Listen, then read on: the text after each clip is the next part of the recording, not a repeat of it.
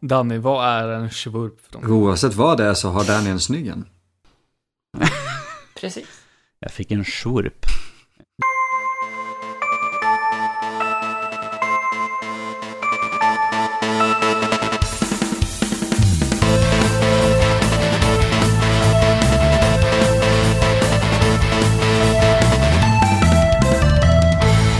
Hallå och välkommen till Nördliv, en podcast om spel och nörderi av alla de slag.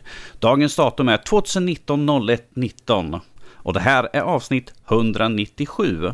Jag heter Danny och med mig idag så har jag Karl, Hallå! Louise Hallå! och våran eminenta indie-regissör Emil. Hallå.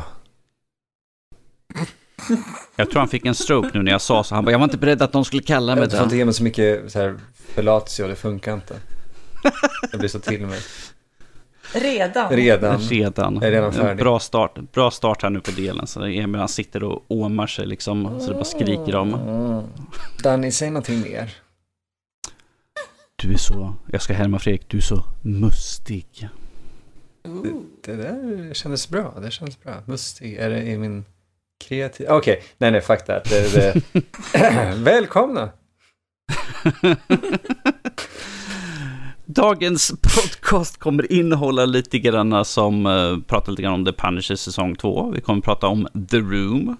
Och så kommer vi prata om Matrix-filmerna. Lite sent kanske, men Kalle är ganska ung och har inte haft tid att sett dem innan. Så vi kommer även prata lite grann om EA och Star Wars. Eh, Ghostbusters och lite Star Trek kan vara intressant. Och sen har vi nu här Marv- veckans diskussion. Marvelous Marvel i framtiden. Vilka var Marvel MCU enbart? Filmerna som vi älskade.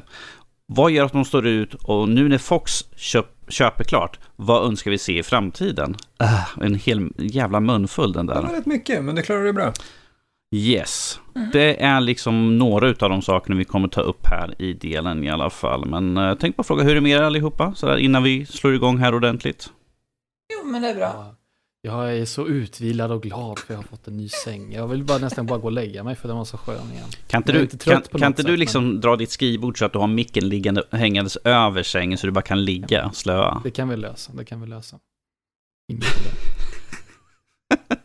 Jag vill nästan ha det nu bara för det. Men lite så här susningar av att ha somnat. Man blir så lugn och kan somna till podden då. Jag, jag har ju en ny mickarm så jag skulle kunna sträcka den, för nu räcker det nog ända bort så att jag kan ligga med huvudet, eh, ligga på soffan med huvudet liksom ligga på soffkanten här och bara ha micken hängande ovanför och prata i. Jag vet inte ifall det skulle uppskattas kanske.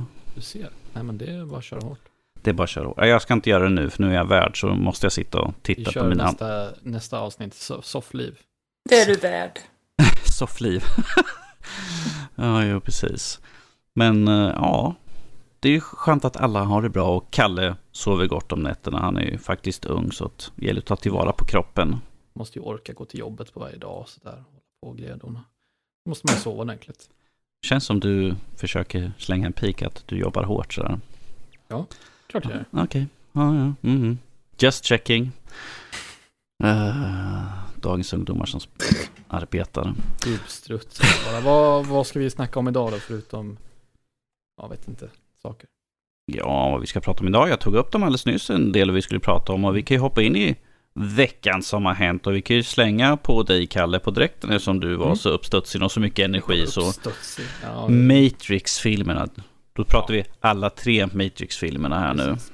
Det blev väldigt spontant sådär så bestämde jag och min rumskompis för att vi ska kolla på Matrix-filmerna igen. Och jag tänkte det var bra. Det, jag har sett ettan och tvåan har jag sett många gånger men det var länge sedan. Så att jag tänkte varför inte? Det, så. så satte vi oss ner, sagt gjort. Kollade på alla i kort, i ganska eh, snabb följd sådär. Och eh, kort summerat, vad kan man ta? snabb följd, det beror på hur man ser på saken. Ja, jo, jo. Men, men alltså, vad kan man ta ifrån det här då med min, mitt återbesök till The Matrix? Mm. eh, Är att ettan är ju sjukt bra, eh, tvåan och trean är eh, rätt jävla dåliga. Sjukt medelmåttiga i, Jag tror, i jag bästa tror det är fall. så jag minns dem också. Ja, alltså det är så här, man, de är ju, de är inte så gamla på något sätt. 99 och 2003 kom de liksom.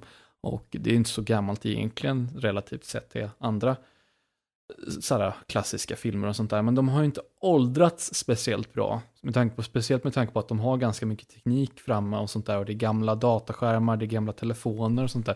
Så de känns äldre än vad det är, än vad de egentligen är på, på visst sätt. Liksom. Och sen så åldras de ju väldigt snabbt, speciellt i tvåan och trean när de har så mycket dataanimerade människor som springer runt överallt. Och tänker på den här stora fight-scenen när eh, Nio ska slåss mot eh, 80 stycken eh, Agent Smith liksom. Och det, det ser ju ut som ett PS2-spel liksom. Speciellt, när, speciellt, när han håller, speciellt när han håller i den här pinnen och snurr, liksom håller sig Precis. upp och springer runt och sparkar allt. Det ser Mm. grymt uselt Men- ut då. Men vänta lite nu Carl. Du Mm. sa att det kändes lite så här äh, förlegat, de hade så gamla telefoner och grejer. Mm, mm. Men är inte grejen i att i den här datasimulationen så återskapar de ju just 90-talet? Ja, jo, det, det är förvisso sant, men, men å andra sidan så skapades de ju, speciellt första filmen skapades ju, den släpptes ju 99, så att då är det ju liksom aktuell teknik om man säger så, som de använder i filmen. Så visst, du har på sitt sätt, eh, på, på ett visst sätt en, en poäng där, men, men det, det är som, filmer dateras så oerhört snabbt när man visar liksom konsumentteknik, typ telefoner till exempel. Så blir de så här direkt så ser man, ah, det här är gammalt, när, när de har en gammal Nokia eller något sånt där. Kanske inte nödvändigtvis dåligt, men eh, sånt, ja, som man kan lägga, sånt som man la märke till i alla fall. Um, så. Och sen så en sak som, vad ska man gå vidare och säga, så det är en sak som jag så här, kände direkt när man hoppade mellan ettan och tvåan, liksom, att de har tappat sin riktning någonstans. För i ettan, så all action som händer, så den känns ju eh, väldigt bra motiverad på något sätt och den för storyn framåt och karaktärerna utvecklas mångt och mycket i och med alla fightscener som de har och sådana saker. Och det finns ett väldigt tydligt mål, typ i, jag tänker i slutet när, när Neo och Trinity ska skjuta sig igenom den här eh, lobbyn där när de ska ta sig upp i den här skyskrapan som de håller, när de håller Morpheus fången. Liksom. Medan i tvåan då känns det som att de bara liksom kastar in fightscener och actionscener till höger och vänster bara, bara för sakens skull liksom. Bara för höga nöjets skull. Den här, se, se, se vilken grej som fastnar helt enkelt. Att Ja. det, här, det här var en cool idé, vi, vi slänger in den på dräkten. Och visst, de är, rent tekniskt sett så är de ju de är rätt, så, rätt så imponerande liksom på, på sitt sätt. Men ja, ja, det- jag blev nästan uttråkad första filmen när vi satt och tittade på den. Då höll den mitt intresse hela vägen igenom. Men det var liksom andra och tredje filmen, det var det så, stor gäspning. Ah, kan, vi inte, kan det inte hända någonting? Och det, det är också i andra och tredje filmen som de liksom blir väldigt sådär äh, pseudofilosofiska och, och eh, de liksom, det, det, det blir väldigt sådär utsvävande äh, förklaringar och, och sådär. Äh, fan är det han säger? Det är han, vad heter han, det är The Architect som Nio får träffa där i tvåan. Mm. Han säger någon sån jävla kass replik. Ah, nu kommer jag inte på, nu kommer jag inte ihåg. Jag, jag tänkte på den här repliken och eh, eh, ville ta upp den. Ja, det är någonting så i stil med your, your life is the sum of, nej, någonting sånt där. Ah, jätte, ja, nej det är bara, det är bara kast helt enkelt. Ah, skitsamma, det var synd att jag inte kom ihåg det. Men var det inte Sean Connery de ville ha till den rollen? Ja, jag jo, jag har för mig att de ville ha honom, men han förstod inte vad filmen handlade om, så han stod över Det den. är ingen som gör så, det är lugnt. Mm, jo, sant. Jag vill minnas att det fanns en animerad också, Animatrix. Det är, det är Animatrix, precis. Mm. Det, Den har jag däremot aldrig sett. Är det någon av oss som har sett den här? ja, Jo, jag jag äger allihopa, så. Det är ju en blandning av uh, små klipp utav olika animatörer eller studios som har gjort sin, sin tagning då på Matrix-universumet. Så det är ju väldigt blandat där ju, både till stil och eh, story och så. Jag har för mig att det är en ung kille som dyker upp i, kan det vara i tredje filmen? Och har man sett Animatrix så förstår man ju mer liksom, ja, hans bakgrund till exempel. Så att den tillför ju lite grann. Här har vi jag fick fram eh, eh, repliken här. Your life is a sum of a remainder of an unbalanced equation inherent to the programming of the matrix. Det betyder ingenting. Det är fullständig nonsens. Alltså, Det är precis, du beskrev precis Matrix där suveränt. Du beskrev precis alla sådana här tavlor folk köper och sätter upp Mm. på väggarna hemma. Det betyder ingenting. nej.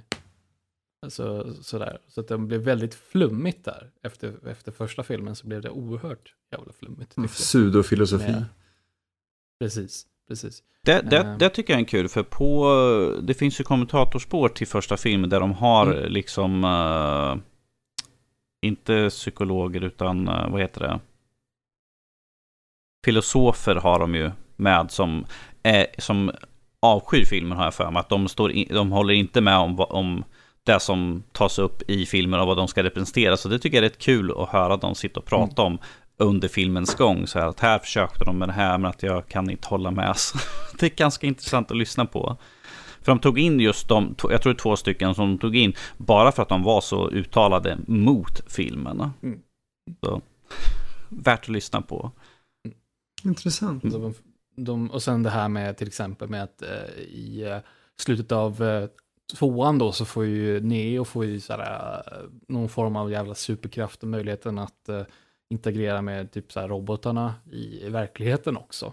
Mm. Eh, typ sådär. Och det förklaras inte heller av någon jävla anledning. att säga att men, eh, han den utvalde, the one, har en Magic. koppling till källan eller någonting sånt där. Man bara, Eller så är det en Matrix i Matrix. Att det Ja, också gud. är Matrix. Tänk det. Mm. Likasånt, så här, hela avslutet också. Nu, så här, nu antar jag att folk kanske, nu kommer jag, det känns som att jag såg de här filmerna rätt hårt. Ehm, och, och så här, om folk är så här sugna att se dem igen eller något sånt där så kanske jag spoilar allting i så här efterhand. Eller i, igen liksom. 20 år gamla filmer, Ja. försök. Typ så. Eh, men liksom i slutet när, eh, när Neo förhandlar fred med, med robotarna liksom, och, de, och så här, människorna, det är liksom bokstavligen ett fåtal människor kvar i den sista, sista staden som de precis har liksom invaderat. Och robotarna bara, ah, okej, okay. sure. De, alltså, så här, och de kunde ju bara, hade, de säger så här, ah, det är så kalla, känslokalla eh, robotar som, som bara bryr sig om, om eh, så här, siffror och alltihopa. Eh, de hade ju bara kunnat säga, okej, ja, men eh, du får ta hand om, om Agent Smith, det här eh, programmet som går bärsärkagång in i Matrix just nu. Ta hand om honom och sen så, så skiter vi i vad du säger och sen så mördar vi alla människor i alla fall. Så det, och det slutet går liksom inte ihop, tycker jag. Men, ja, vad vet jag. Håller med dig. Jag tycker jag har, jag har skrikit nog om den här filmen. Är det någon som tycker om Matrix-filmerna? Den första tycker jag väldigt mycket om. Ja, första Ja. är bra. Mm. Sen är det vissa scener från de två andra filmerna som jag kommer ihåg som jag tyckte var bra till exempel. Och jag kommer ihåg den här sista striden i regnet till exempel. Det är väl tredje filmen med Ja, precis. massor av... eh, Och det, det, är ju, så här, det här är ju, speciellt 203, de är ju väldigt underhållande så att kolla på. Det, det är ju så här, mycket action hela tiden och sånt där. Och det är imponerande koreografi och sådana saker. Så det, det får man ju ge dem. Såna, eh, de, många sådana här eh, western eh, actionfilmer, de gillar att klippa mycket i så fight-scener och sånt där. Men här får man ge dem att det klipps, det gör det. Men det är inte överdrivet på något sätt. Utan eh, det är ju tydligt att alla skådespelare har fått träna riktigt hårt för att kunna göra alla de här movesen. Liksom.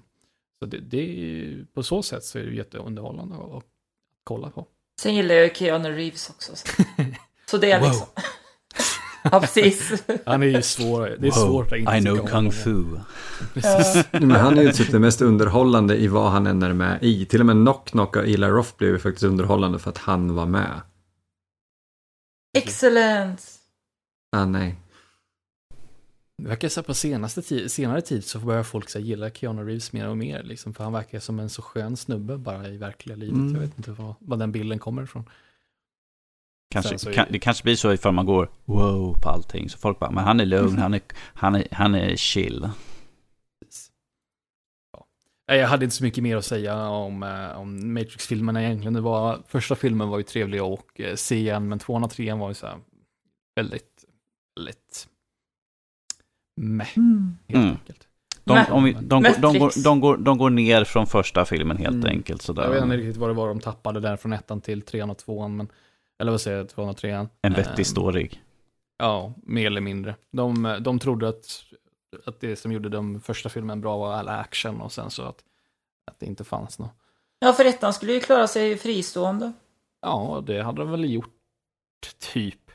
Sådär. Alltså, Ja, men man får ju början till sluthistoria i alla fall och sen slutar Mm. det ganska öppet. Den, den är ju isolerad, den står ju på sina egna ben och sen Mm. de andra två behöver varandra för att funka. precis, tvåan slutar ju på en Det är ungefär som, eh, så. Exakt. Första Star Wars-filmen, så här, den klarar ju sig själv och sen kom det två stycken.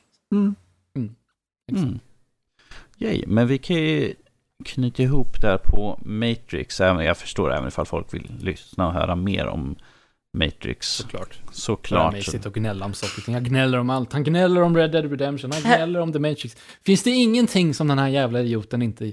Som, som han gillar på riktigt? Herregud, jag, jag insåg precis att kanske några av våra, våra yngre lyssnare säger, vad är Matrix för någonting? Åh nej, säg Ja. inte det.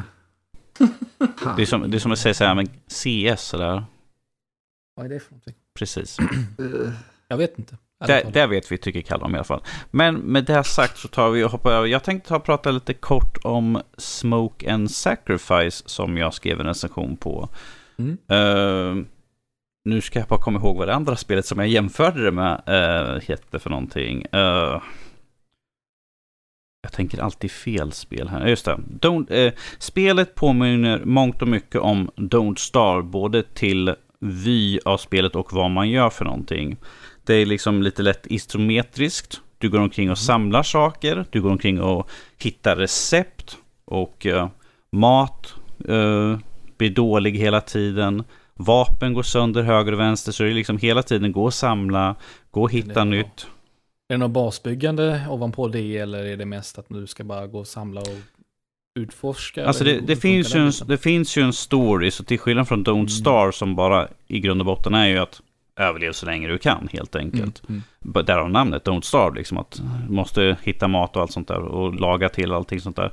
Eh, I det här spelet så får man följa en kvinna som heter Sashi, eh, som bor i en by, eh, som skyddas utav solträdets krafter. Religion. Eh, och det här, när man startar upp spelet så är det dagen som hon minst se fram emot. För det är eh, ritualen om de förstföddas dag då. Och det betyder att hon måste offra sin son eh, den här dagen. Och man får följa henne liksom. Hon går hem, hämtar sonen, går till eh, prästen, så går hon till templet och hon lägger honom på altaret. Och sen utför de offringen. Och sen klipper vi och sen står det sju år senare. Och vänta, vad, händer nu? Alla de skyddande ljusen som- runt omkring vår by har försvunnit. Åh, det kommer monster. Åh nej! Spring för livet! Ja, vi springer. Ehm, springer till templet, letar efter präster. Finns inga präster där. Hon smyger fram till den här mystiska offringsmaskinen. Och sen helt plötsligt slår en blixt ner och hon förs till en undervärld. Där hon får reda på att hennes son eventuellt lever. Och det är mer eller mindre, där har vi storylinen i Det spelet i gick alla fall. jävligt snabbt där i svängande. Mycket saker vi ska acceptera bara rakt av. Liksom. Yes, det är så. Det var väldigt snabbt rakt på. Pang bom. Ehm, Men, men okej, så det är mycket, det är inte survival crafting på det sättet, men du ska ändå ta dig framåt hela tiden i liksom banor som du ska ta dig framåt Det är tiden. En, du stor, ska- en stor karta Ja, okej. som Mm. du springer omkring på och med Mm. varierade miljöer. Du kan ha liksom savann, du kan ha is och då, ifall man till exempel kom till en is, uh, isbiten så måste man till exempel crafta ett par skinnskor så att du kan gå där utan att frysa. Det finns eh, ett eh, industriellt område där allting är byggt av metall och såklart så är det ström som går igenom där så du måste bygga ett par gummiskor. Så du måste hitta alla de saker och då blir det att ja, men du måste gå och mörda det här monstret för att kunna få de här beståndsdelarna för att kunna sen ta till den här grejen för att kunna bygga de här sakerna. Så det är Det är väldigt mer- omständigt och går att göra allting. pusselsak det här då? Eller det, blir det väldigt, berättar spelet väldigt tydligt vad du ska göra? Ah, nu, nu är det en strömfört här, så nu måste du gå och hitta det här och det här och det hittar du här på det här stället. Eller är det lite Eh, de, här, de, de säger till exempel att ah, ja, men, eh, den, den här saken behöver och de får du kanske från det här monstret som finns Okej. i den här delen av Ah, okej. världen. Så att det, man har som en liten logbook som där det står liksom att här är liksom main quest och sen finns det en side quest som man kan göra bara för höga nöjets skull. För då får man kanske beståndsdelar och sånt uti, utifrån de här eh, varelserna som bor där. För de flyter omkring och är typ lite, dimsnubbar. De flyter ovanför marken med gasmask och sådär. Jag måste säga att det har i alla fall en intressant visuell stil måste jag ju säga i alla fall. Eh, Mm. Så... Så isometriskt kan man beskriva det på något mer sätt än så. Pixel art. Vad är Det, det ser handmålat ut skulle man kunna Handmålat, säga. Uh, vilket man ser, jag har några bilder i min recension. Eh, Jag tycker det är eh, snyggt sådär. Uh, väldigt, väldigt bra musik också, passande. Mm. Uh, följsam liksom till spelet. Uh, saker som jag inte tyckte lika mycket om att det tar så lång tid emellan storylinen. För att det är som sagt, jag är väl kanske fel person för det här spelet. Eh, för att mycket går ut på att du ska ju crafta, du ska gå och samla. Så det är ju mer för den som tycker om att göra det här. Eh, Inte riktigt för mig, men att jag ser liksom uh, vad fascinationen liksom att, ja men jag har några minuter, jag kan, springa, jag kan hoppa in i spelet, sen kan jag liksom bara springa och samla just den här saken så jag kan göra de här grejerna. Det är ju väldigt lätt att bara hoppa in och köra en stund till. Under spelets gång så låser man också upp sådana här transportgrejer så man inte behöver springa hela tiden utan man kan snabbhoppa emellan, vilket var väldigt skönt. Jag bara, åh vad trevligt, så jag behöver inte sitta i 15 minuter och springa över en karta. Det kan vara väldigt irriterande. Men eh, och jag tycker inte om det här med att vapen och sånt förstörs. Det, jag ser inte logiken i det. Det är som, jag säkert folk, många kan säga om senaste Zelda-spelet, liksom att ah, men jag slår några gånger, åh oh, nej, mitt magiska supersvärd gick sönder efter tre slag. Mhm. Mm, hur gick det till? Men det är ju för att uppmuntra dig att använda, experimentera och andra, använda andra vapen. Ja, men, Ja, precis. Ja. Här har du en pinne till exempel. Den fungerar minst lika bra. Det finns det fler av, så här, för att den går sönder också. ja, men eh, ja, jag förstår mig inte på det just där. Men det finns i det här. Eh, slagsmålen i spelet, du har en attack mer eller mindre och sen har du typ en hoppa undan-knapp så att mm, inte så stor variation och sen var det ibland väldigt svårt att avgöra liksom att kommer jag träffa fienden? För ibland kan det vara mycket, ifall det är mycket saker runt omkring träd och sånt där så vet man inte riktigt om man träffar monstret. De träffar mig väldigt lätt så det var ju väldigt frustrerande men det är så det ska vara i spel. Det ska vara utmanande. Får vi tänka på sådär. Men att utöver det så riktigt intressant. Jag hade, jag hade inte jättemycket emot det så att säga. Jag har några gripes och där och det är tyvärr sådana saker som gör att eh, men jag hade kul medan jag körde i alla fall. Så för de som är intresserade av den här typen av spel, så ifall man tycker om Don't Star så kan jag säga definitivt kolla in spelet i så fall. Mm. Mm. Så, en liten Yes. mini-rekommendation kanske. Yes, det kan Om man man gillar säga. de här typen av spel. Precis, det kan vi göra. Eh, vi kan ju ta och slänga, eh, jag vet inte hur många som såg det, men att det kom ju en liten teaser för den nya Ghostbuster-filmen. Eh, Mm. Vad visar den egentligen? För jag har inte, inte jag kan sett beskriva den. Du ser, du, ser en, du ser mark och sen panorerar kameran in över åkermark in mot en lada och sen kom, åker den in genom ladan och det blåser där in och blixtrar lite grann och sen åker ett skynke upp och under det skynket så ser man eh, bakdelen på Ecto One. Jaha. Oj, det var ju inte kliché. Nej, nej, nej. Men som sagt, det här är ju en teaser, för filmen har inte ens påbörjat spelas in. Den ska, ska ju spelas in senare under året. Och den Jag, jag kommer... sa det till Erik att jag har aldrig sett en så um, intetsägande teaser. Nej. Eller liksom. Ja, ja, men det är ju en direkt upp... Ska ju vara en direkt uppföljare till ettan och tvåan ju så. Ja, men det är bättre De var ju- suga de- för det. De, de, de var ju lite tongue in cheek i de filmerna ändå ju, så att, att de har en sån här teaser, jag, jag kan se att det är liksom, sure.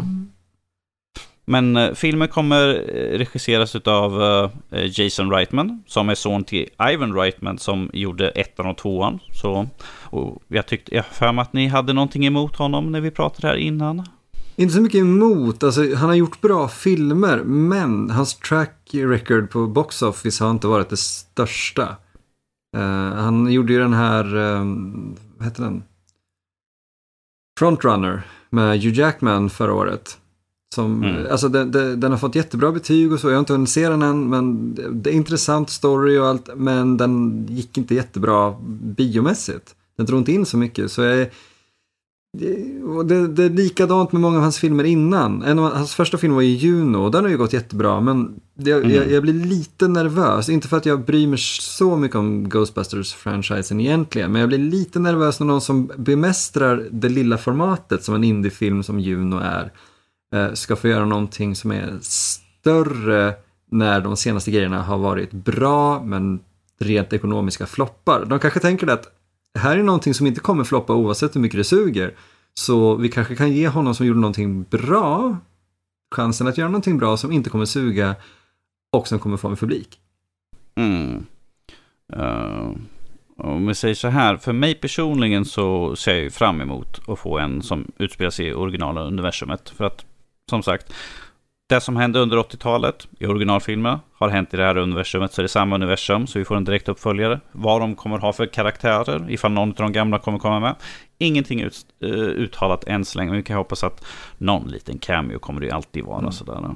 Jag tror ju att uh, det var ju en viss backlash efter den här senaste uh, Ghostbusters-filmen med tjejerna där och då var det nog en del som såg chansen att... Att, att säga en viss backlash är årets underdrift, det måste jag ju faktiskt säga. han den där uh, Angry Video han vägrade ens recensera, vilket jag tyckte var att ta i förstås. Ja, men, uh, han blev ju uthängd bara för att han vägrade göra det. Ja, så att jag tänkte att det finns nog en chans att en del ser det här liksom och tänker att ja, ska vi inte göra en vad ska jag, riktig Ghostbusters-film då? Och nu blir det så. Nu blir det där, precis. Uh, men uh, ja, vi får ju bara vänta och se. Den ska ju komma ut 2020. Så det är ju inte så lång tid kvar. Det är, bara, det är nästa år. Så vi får ju se vad som händer med den här. Och ja, jag känner att mycket hänger på den här. Att ifall den här går dåligt så kan vi glömma att se Ghostbusters på väldigt, väldigt, väldigt länge. Det... Och jag vet att de, de har ju animerade filmer också på gång och en ny serie också. Så att... Mm. Det, ja. Faktiskt ytterst förvånad eh, att vi faktiskt får en film till så nära in på ja, upploppet som i princip var den senaste filmen. Men... Ja, den var 2016 mm, kom den ut. Precis. Det är bara, det är inte ens tre år sedan. Nej. Så... Alltså jag tycker ofta det känns som att, okej okay, nu, nu är inte det en reboot så att det är fel ordval, men, men ändå att det liksom är oftare oftare det kommer, ja ah, ska vi inte starta om eller ska vi liksom inte, ja ah, nu skippar vi den förra filmen så här och så, ja. Som Halloween till exempel, ja ah, mm. vi glömmer de gamla och så tar vi en som utspelar sig efter den första.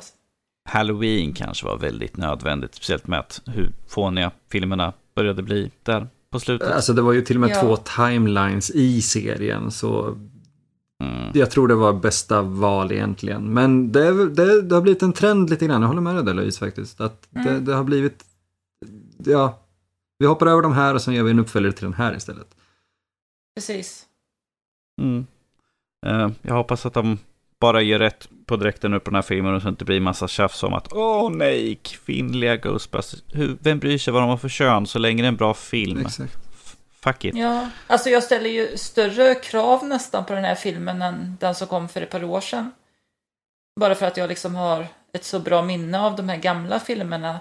Den andra filmen som kom, den hade jag ju liksom, ja okej, okay, de testar något nytt, så ja vi får se hur det blir. Så jag, jag tyckte den var helt okej, okay, men här känner jag att här har de ju det här liksom, ja, klassiska arvet att vörda liksom, eller liksom vårda.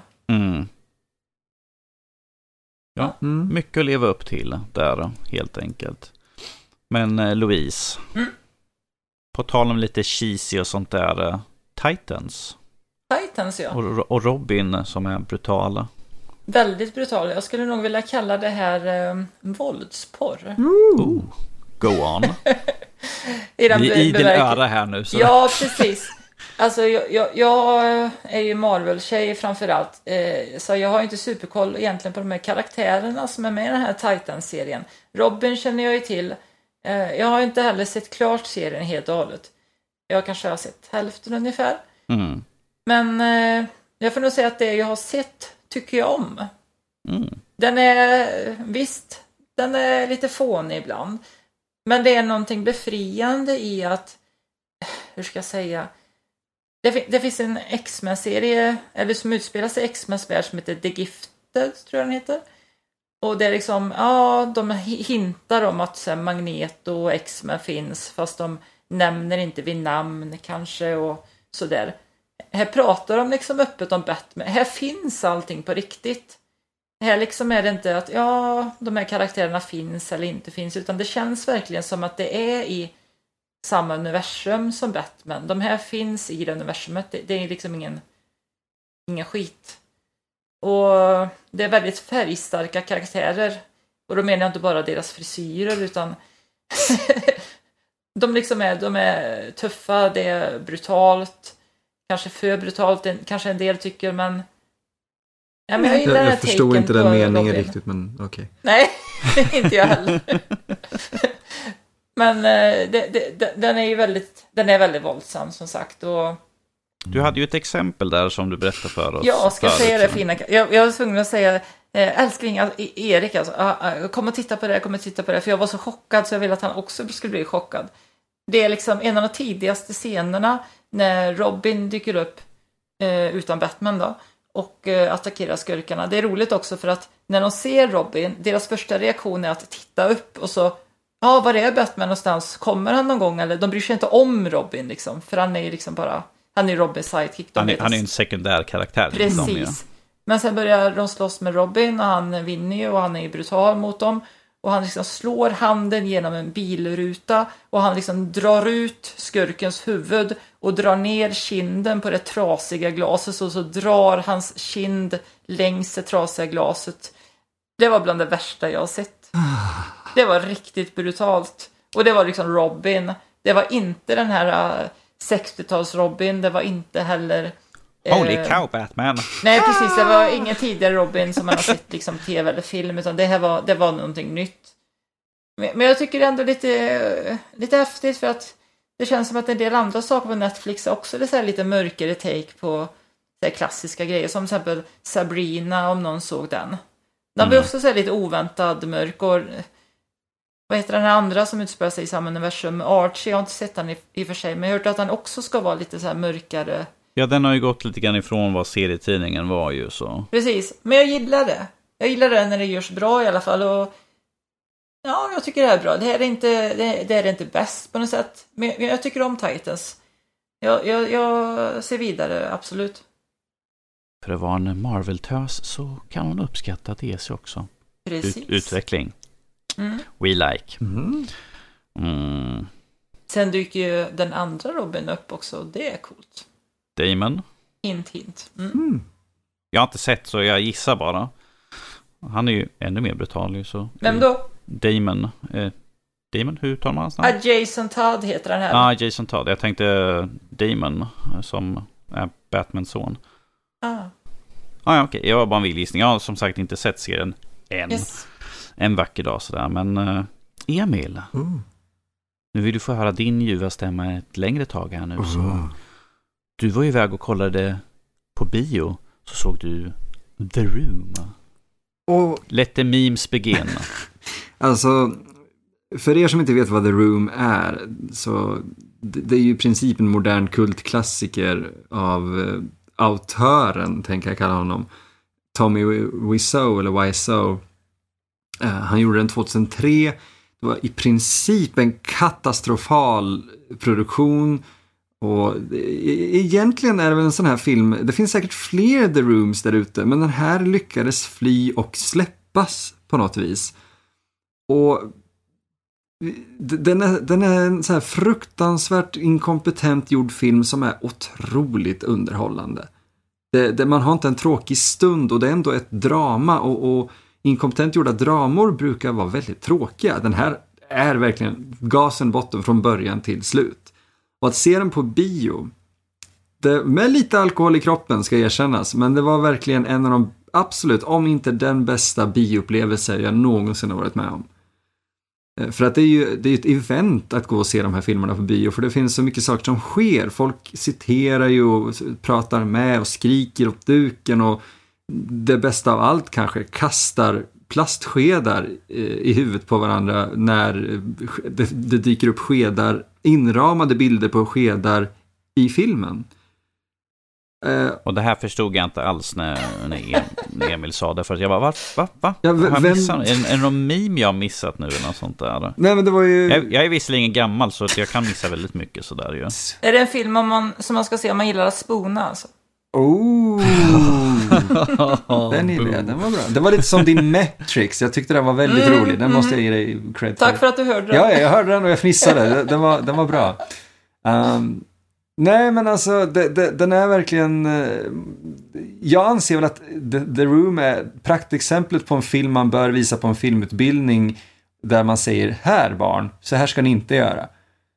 För att den är verkligen perfekt att visa den anledningen. Det finns så mycket saker som är så uppenbart fel för folk som inte ens har gjort film. Att man, man lär sig verkligen, man kommer ut som en ny människa från den filmen. Och jag kommer nog aldrig tröttna på att se den.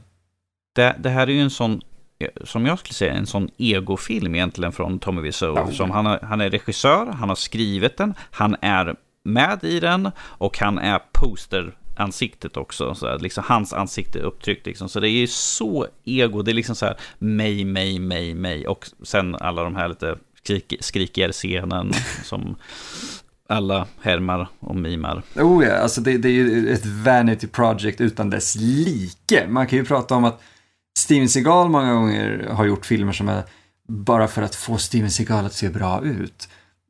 The Room är definitivt en film Tommy skrev. Om man hänger med i manuset så är det verkligen en film Tommy skrev för sig själv, om sig själv, för att folk ska förstå hur bra människa han är. Uh, och och det, det, alltså, jag kan inte några direkt, eller jag kan ju självklart de här kända citaten från filmen, men det kan vara repliker som är i princip som Ah, nej men Johnny som är en så bra man, varför skulle du vilja lämna honom? Han, är, han tar ju hand om dig och ser till att du har det. Han vill köpa ett hus åt dig. Tommy som är så bra, den bästa av vänner. Och det, alltså jag överdriver inte när det är den typen av repliker. Och Johnny spelas då såklart av Tommy Wiseau. Uh, och det, det är en katastrofal skådespelare som är så otroligt underhållande att titta på. Det, jag, jag kan inte göra annat än att rekommendera att kommer den på bio, det här var ju på Bio Roy, på, de har någonting just nu, nämligen den här helgen som pågår som heter ehm, Den dåliga filmfestivalen. Och då har de visat Troll 2, de visade The Room, de visar American Movie, Hot Ticket to Miami, Miami Connection. Sen, För, för många som lyssnar, de tänker bara, ah, klassikerna. Okej. Nej men alltså de här filmerna har kommit på senare år faktiskt. Många av dem har hittats. Jag, jag tror det var om Samurai Cop, tror jag, som visas också. Den hittades i en kista i ett slott. Själva filmrullen. Okej. Eh, och släpptes sen för ett antal år sedan. Det, det, det är så konstigt bara. Det är så, alltså egentligen är myterna och, och historierna om hur de här filmerna blev till mycket intressantare än filmerna i sig. Men The Room lyckas vara intressant även som film. Det, de, de filmar eh, hustak, eller de har så här scener som utspelar sig på hustak där de har filmat det på en parkering i princip med green screen. Det- Okej. Man- Man förstår inte hur han har tänkt. De spelade in filmfan på två olika kameror, en digital och en film. Vilket också är jättekonstigt 2003. Och allting är betalat ur Tommy Wiseaus egen ficka. Jag, jag, jag, och de skulle bara- kastar boll till varandra. Och det... I taxidos. Ja. Jag tänker att det hade varit ännu roligare ifall det var olika upplösningar också på filmen. Ena är liksom 16.9, sen är det plötsligt 4.3, sen är det 6, eller, eller 16.10 liksom. Så man bara, vad fan är det som pågår? Ja, men jag kan erkänna att en av mina tidigare filmer som jag brukar visa, den har det problemet. Och jag märkte inte det i klippningen, så ration skiftar ju. Mm. Men jag, jag skyller fortfarande på att jag var väldigt trött, stressad, inkompetent när jag gjorde den. Uh, De gamla vanliga ursäkterna alltså. ja, oh ja. Jag, kan, jag har Oh ja. diabetes också, så jag kan fortsätta skylla ja, på ja. det. Där kom det diabetesursäkten också. Ja, en fin kombo där ingen kommer någonsin klaga mig för någonting någonsin igen. Ehm, Eh, jag kan. Här hemma älskar vi ju The Room, men man måste ju se också den här The Disaster Artist som vi tyckte var näst bästa filmen förra året. Ja, ja men den, jag såg den faktiskt nu innan. Disaster Artist är ju filmatiseringen av boken som eh, Greg Sestero som spelar Mark och är line producer för The Room eh, skrev om hela den här produktionen. Och jag, mm, jag hade lite svårt för, för den först faktiskt, för det var det här, ah, okej, det är James Franco som går runt och lajvar som Tommy Wiseau. Men efter en halvtimme så var jag inne i det. Jag köpte det. Och den är faktiskt riktigt bra den filmen. V definitivt, den är nog enklare att få tag på. Definitivt enklare att få tag på än The Room. Um, så den rekommenderar jag absolut att man går ut och köper.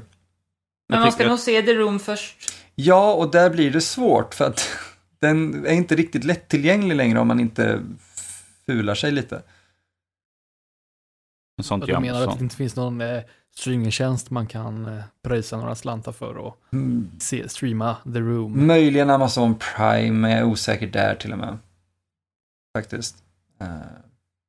Men jag hoppas ju på att den med Disaster Artist kanske får en bredare release oavsett stream eller fysisk release faktiskt snart igen. Den är värd det. Den kanske kommer en sån här kom kombo med båda filmerna, det vore coolt. Det vore en dröm. Jag hade köpt mm. varenda utgåva av den. Jag tycker det är så kul, de, det var ju på någon prisutdelning uh, då James Franco och de var uppe på scen och Tommy Wiseau också. Och så höll de liksom micken och sträckte sig Tommy efter dem. De bara nej, nej, nej, nej, nej, oh, nej, nej, gud, du ska inte prata liksom. Så här, liksom stoppa honom från att börja prata. Jag, jag minns den, just det klippet och det är så ja. fantastiskt. För att man vill, man, jag förstår dem helt och hållet. Man vill inte att den människan ska få prata. Inte på så stort, jag tror det var Golden Globes eller någonting. Man vill inte mm. ha Tommy Wiseau på den scenen pratandes för ens grej. Det är så lustigt. Jag vill det. Ja, jo, jag är med dig där med, men när man James Franco ja. så känner man kanske, nej, nej, det är en dålig idé. Har man inte lust att gå och köpa The Room på DVD så finns hela filmen på YouTube. Okej, okay. ja jo. Ja. Det är ju skönt att den är tillgänglig på det sättet. Eh, ja. Det kommer även en dokumentär, måste vi säga då, om The Room som heter just Room Full of Spoons.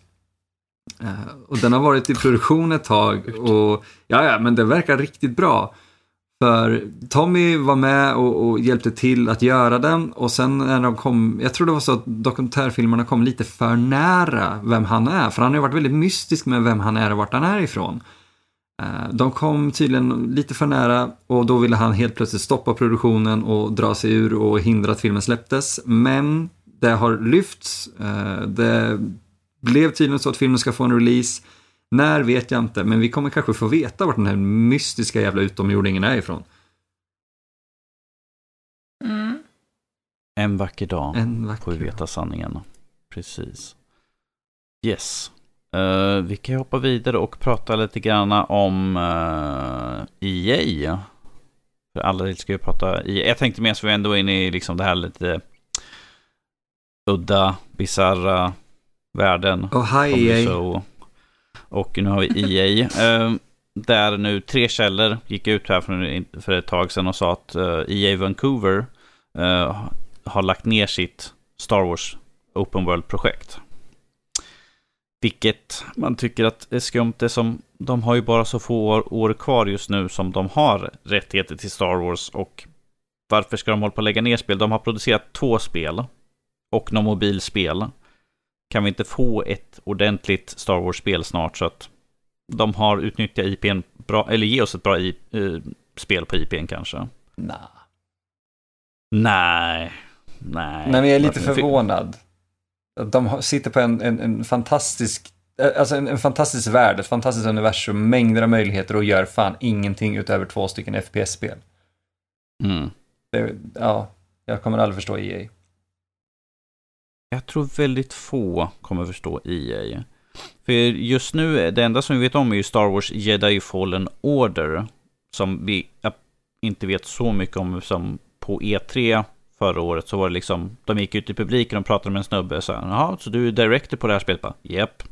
Kan du visa någon bild? Nej. Så någonting om storyn? Mm, nej. Okej, tack för att du var med här. Det, varför ens gå och prata med honom? mellan tre och fyra, det var väl allt de sa. Ja, typ. Det var liksom så minimalt. Liksom, varför ens prata om spelet för när man inte har något att visa upp? Det var så udda. Det är som man satt liksom och kliade sig i huvudet så man bara, Eh, what? I don't get this. Uh, ja, mm, ja, för att jag menar, det är inte första gången för att först var det ju utav uh, Visceral Games som höll på och arbetade på det här på ett spel. Lades ner och sen skickades deras asset och allt sånt där skickades över då till eh, uh, EA Vancouver och Nu har det också stängts ner. Så det... Ja, men eh, marknaden är inte intresserad av sådana spel, utan vi måste ha flera FPS, microtransactions-fyllda Det- för FPS-spel. Visceral, Visceral Games skulle göra ett single player-spel. Och där var de tydligen inte intresserade, för då kan de inte slänga in massa mikrotransaktioner och sånt för mycket. EA kan göra det mesta. De kan, men det är svårare det, i det ett passar inte lika bra Nej, precis. Och därför nu när EA Vancouver skulle göra så skulle det vara mer en open world. Där man säkert kunde, säkert co-op eller multiplayer på whatever sätt eller sådär möta på folk. Eftersom det inte finns någonting direkt uttalat jättemycket om spelet. Jag har inte sett så mycket om vad det skulle vara för någonting. Jag har ju bara sett någon bild, några sådana assets som de visar upp. Där kan man säkert slänga in massor med tjafs som de kunde sälja och så. Men att, ja, vi får aldrig reda på hur mycket skit vi kunde ha köpt vid sidan av själva huvudspelet då. Ja. Ja, vi tycker inte om lootboxes och mikrotransaktioner. Oh, Jag är så really? trött på Ja, men jag tror att de flesta vet det vid det här laget. Ja, ja, vi, fan vad mycket vi pratade om det förra året. Det usch. ja, men förra året var ju en infestation av loot. Alltså nej, jag ska inte gå in på det. Jag blir bara upprörd. Nej, nej, vi gör inte det. Nej. Vi, jag, jag vill inte få flashbacks från Nej, förra jag året. så förstår det Lootboxes bad. Grr. Jag-. Jag gör så här så länge till, till Louise istället. Mm. Star, Star Trek, kan Star Trek.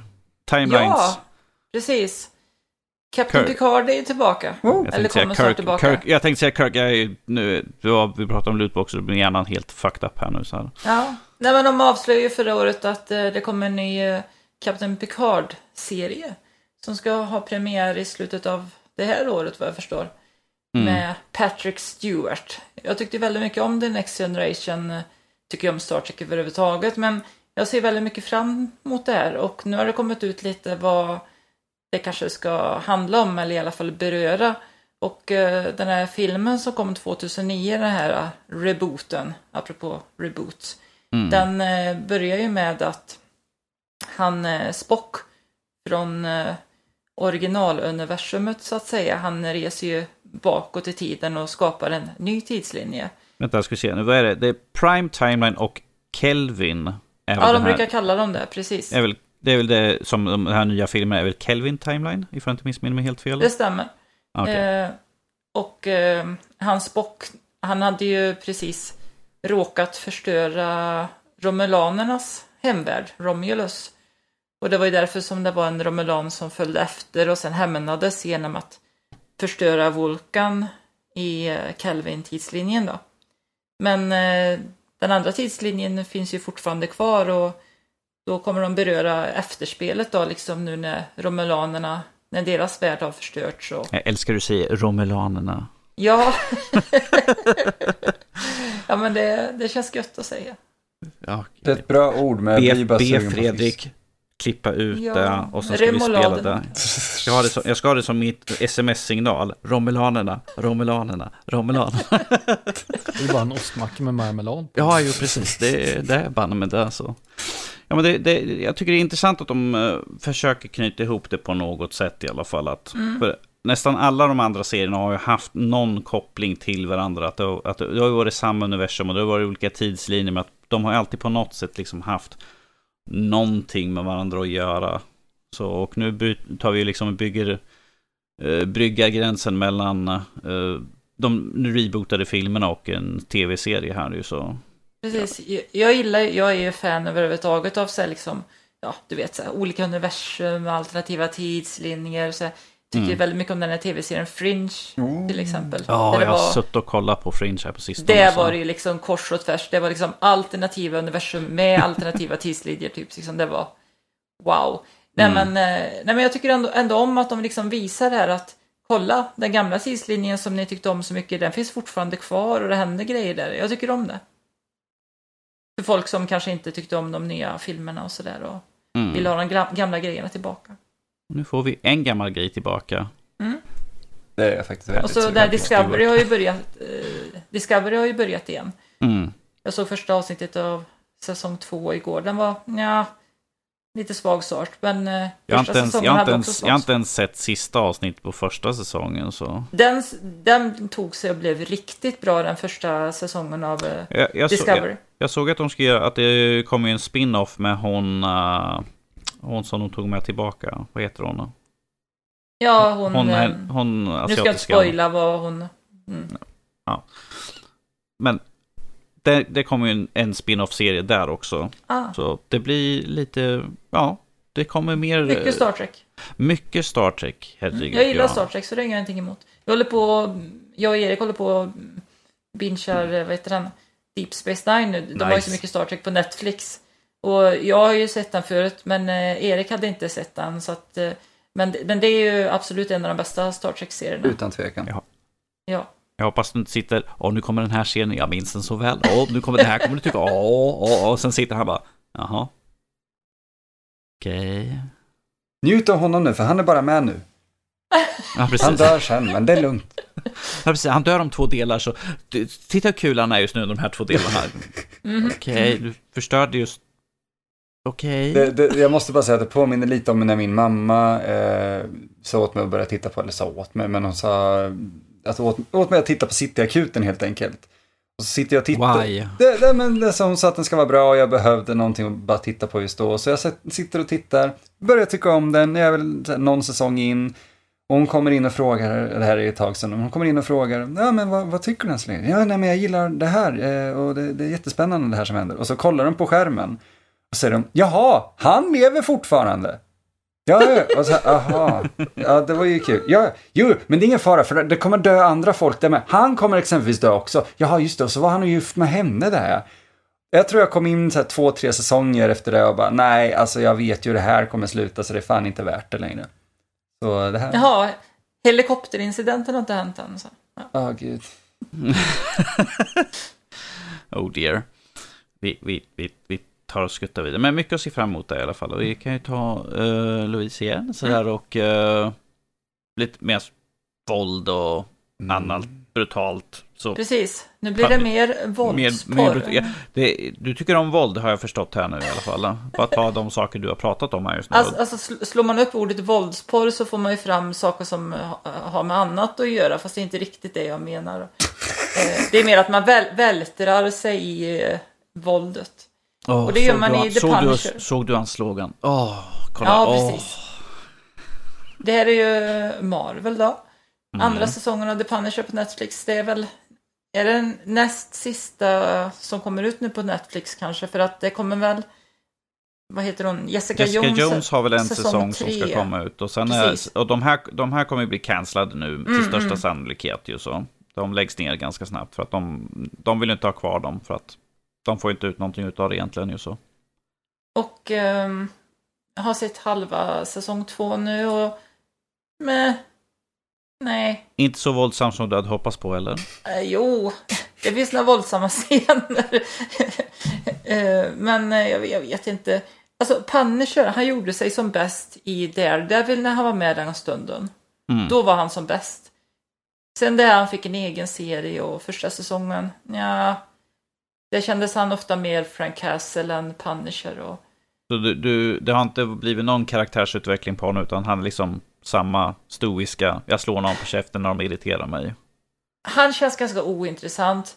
Och eh, än så länge så, eh, vad ska jag säga, the bad guys känns också jätteointressanta.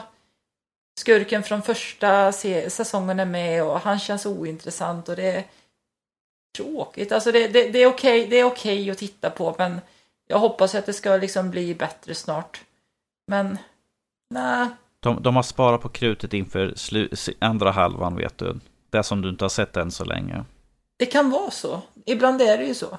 Mm. Alltså jag tycker bara att du ska ta och köpa filmen med Dolph Lundgren från typ 88 och sen Åh, PS2-spelet, gud, sen har du all Punisher du behöver. Det låter inte som en dum idé. Det, ja, jag, jag är ett stort fan av just Punisher och de två versionerna av Punisher gör mig väldigt lycklig i själen. Ja. Jo, det kan inte vara sämre än det här känner jag. Jag har faktiskt inte tagit och sett serien än, för jag vet inte. Jag, jag gillar inte, vad är han heter skådespelaren? Jag gillar honom inte. Han var ju med i Walking Eh, det är han i precis... Just det. Nu kommer jag inte på vad han heter. Nej, någonting. Eh, Walk, han var med i Walking Dead. Jo, Jon, Jon Ba- Berntal. Nu Ja, sa jag det på det. norska, men... Jon Berntal. Det lät extremt svenskt, jag gillar det. Jon Ja. Bernthal? Norskt kanske? Danny, har du någon fakta om det? Eh, Jag får tyvärr inte uttala mig om någonting sånt. Jone min advokat. Ja, fan också. Ja, precis. oh, Förlåt. Gud. Det är lugnt. Så um, än så länge, rekommenderar folk att se eller inte? Mm. Okej, det jag tyckte det Alltså, sa, jag, ja, jag, det brukar, sa jag brukar säga åt folk, se saker och bilda er Mm. egen åsikt om ni är nyfikna. Det är väldigt bra. Ja. Du personligen, det lät ju ganska tveksamt där. var liksom, Så här, ja, alltså jag tycker bättre om Titans om jag ska gå tillbaka till den och göra någon slags jämförelse. Sounds, sounds good, sounds good. Eh, jag tänkte jag skulle ta kort innan vi hoppar över till veckans diskussion. Tänkte jag bara nämna lite kort att jag gjorde en recension på Ace Combat 7, Skies Unknown. Vilket flygarspel för de som inte vet. Um, storyn. Personligen inte så mycket hänger i, i julgranen. Det är liksom det är mellan två stycken stora länder så utbryter ett krig.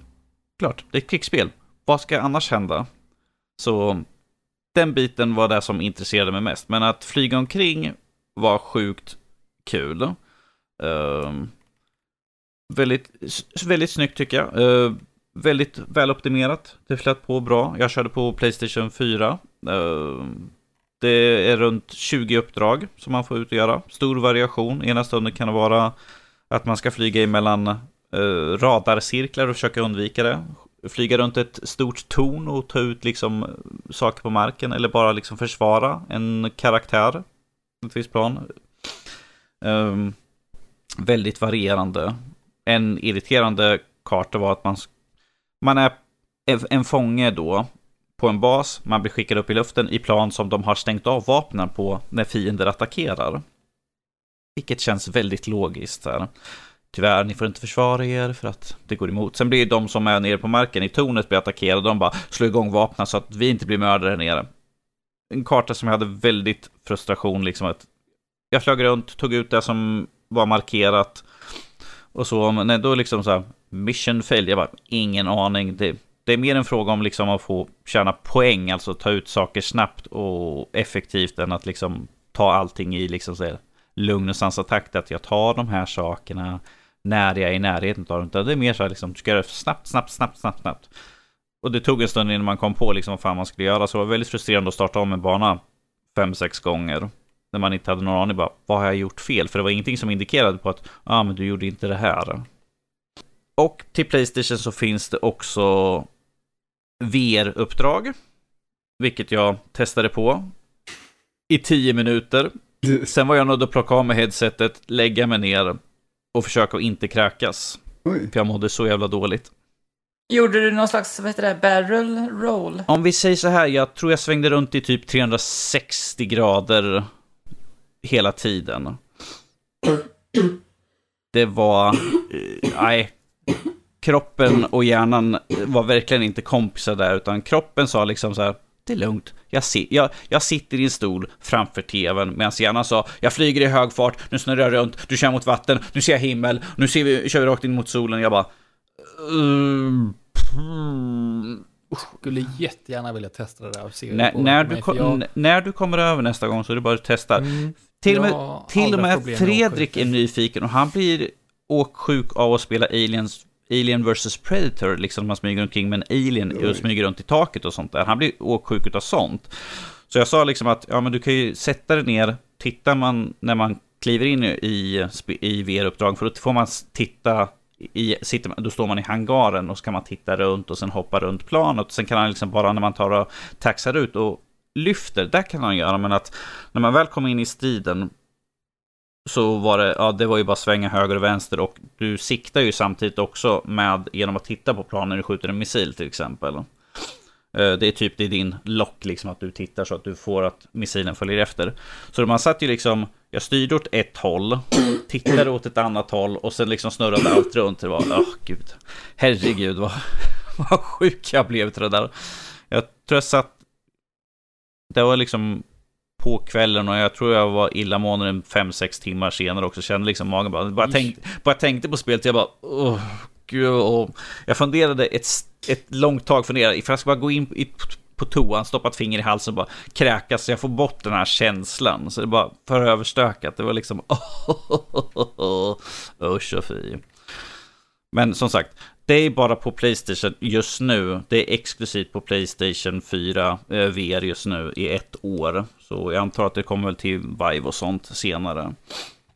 Uh, hur, hur är känslan liksom med kontrollen? För jag tänker att ett sånt här spel, ska inte det helst spelas med en riktig joystick? Det är det, det jag finns, ser framför mig. Det finns stöd för Thrustmaster, oh, vad heter den jojen? Jag skulle kunna kolla upp det. Max, vi har en sån, men den är ute hos Max just nu, så jag har inte haft tillgång till den. Um, men att du kan köra med det, ja.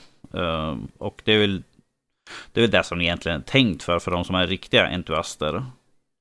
För när man satt i VR så satt man och tittade ner, jag bara, åh, ifall jag hade du kunnat liksom suttit och dragit lite grann i spakarna sådär.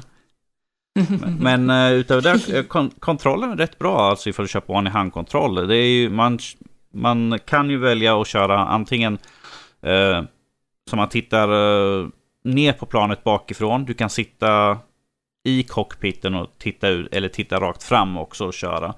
Men jag tyckte det var så begränsat. Jag ville, det, är, det är mycket enklare om man kör på första alternativet liksom utanför planen. För då har man bättre vy på vad som händer. Men eh, jag, tyck, jag tyckte att det fungerade ganska bra så. Eh, väldigt pampig musik, väldigt orkestral och pampig musik till så. Helt klart eh, en, en upplevelse. Inte VR då, men eh, det rekommenderar jag inte. Ja, det är något som jag absolut inte rekommenderar. Jag har ingen aning vad andra recensenter har skrivit, liksom ifall de har testat på. Liksom. Jag är väldigt nyfiken att se vad de har att säga. Har du en mage av järn, go for it. Min mage, nej. Och jag är inte... Jag, jag, jag är egentligen inte så queasy, det här var så jävla udda. Mm. Bra musik sa du, men har de Highway to the Danger Zone? Det är den bästa låten. nej. Tyvärr inte. Då är det inte komplett alltså, utan vi behöver en Då DLC. Är... Mm.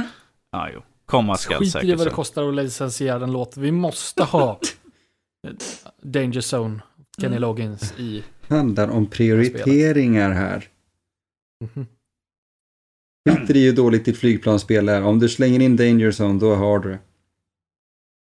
Då går allting. Ja. Men, med det sagt. Nog med puns om flygplan och musik här. Vi tar och hoppar över till veckans diskussion, vilket är Marvelous Marvel i framtiden. Vilka var Marvel-filmerna vi älskade? Vad gör att de står ut? Och nu när Fox köper klart, vad önskar vi se i framtiden? Jag slänger ut ordet i fritt. Är det någon som vill slänga ut en film som de tyckte om och varför? Doctor Strange. Doctor ja. Strange. Nej, men jag kan väl riva av min eh, topp tre till att börja med direkt. Ja, Doctor Strange är givetvis en av dem, men sen så har vi då Avengers Infinity War och skulle väl säga första Iron Man, tror jag väl. Jag håller mig vid de tre filmerna, mm. bland mina favoriter faktiskt. Doctor Strange just, jag tyckte att den är, han är en rätt unik karaktär med unika krafter och den var ju väldigt visuellt intressant tyckte jag. Visuellt underhållande liksom med alla dessa specialeffekter. Den, håll, den hållde sig väldigt sann till serietidningarna, de Precis. tidiga serietidningarna i alla fall. Där. Verkligen. Och sen så Iron Man, visst det var ju den där Incredible Hulk innan, men Iron Man var ju liksom på något sätt start, startskottet där. Jag tyckte det gjordes eh, väldigt bra. De eh, hade en viss mån ganska bra karaktärsutveckling bara på Tony Stark rakt där i första filmen. Liksom. Mm. De började, som de har successivt byggt upp eh, under resten av filmerna också. Så det uppskattar jag. Och sen så Infinity War, det pratade ju om när Infinity War släpptes så gillar ju det faktumet att att det faktiskt, att bad guyen vann och att det fanns lite konsekvenser. Att det faktiskt hände något dåligt och de inte bara vann hela tiden. För mm. här, I alla andra de här superhjältefilmerna så vinner de ju bara hela tiden. Det finns ju liksom ingen spänning i den, ingen drama. Vi spöar skiten ur alla och vi sitter och äter ja. på shawarma. That's it.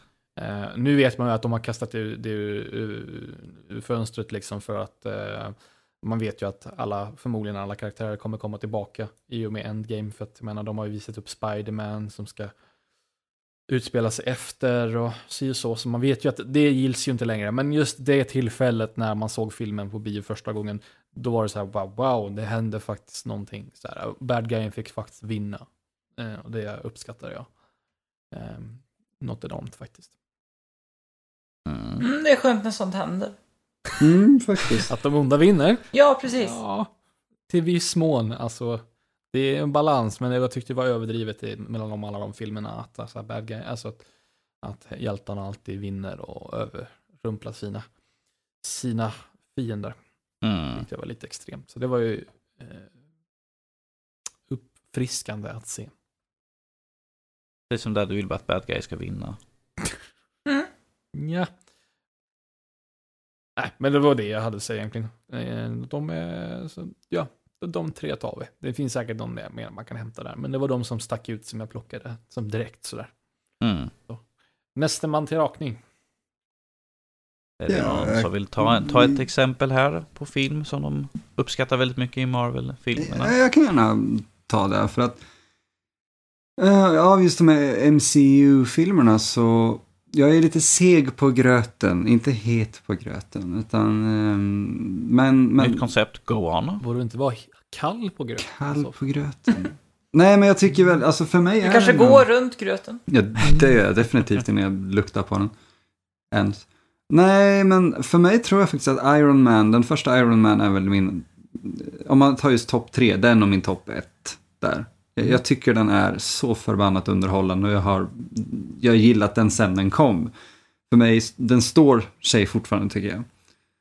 Ehm, och sen får jag nog säga, vad fan heter den nu då?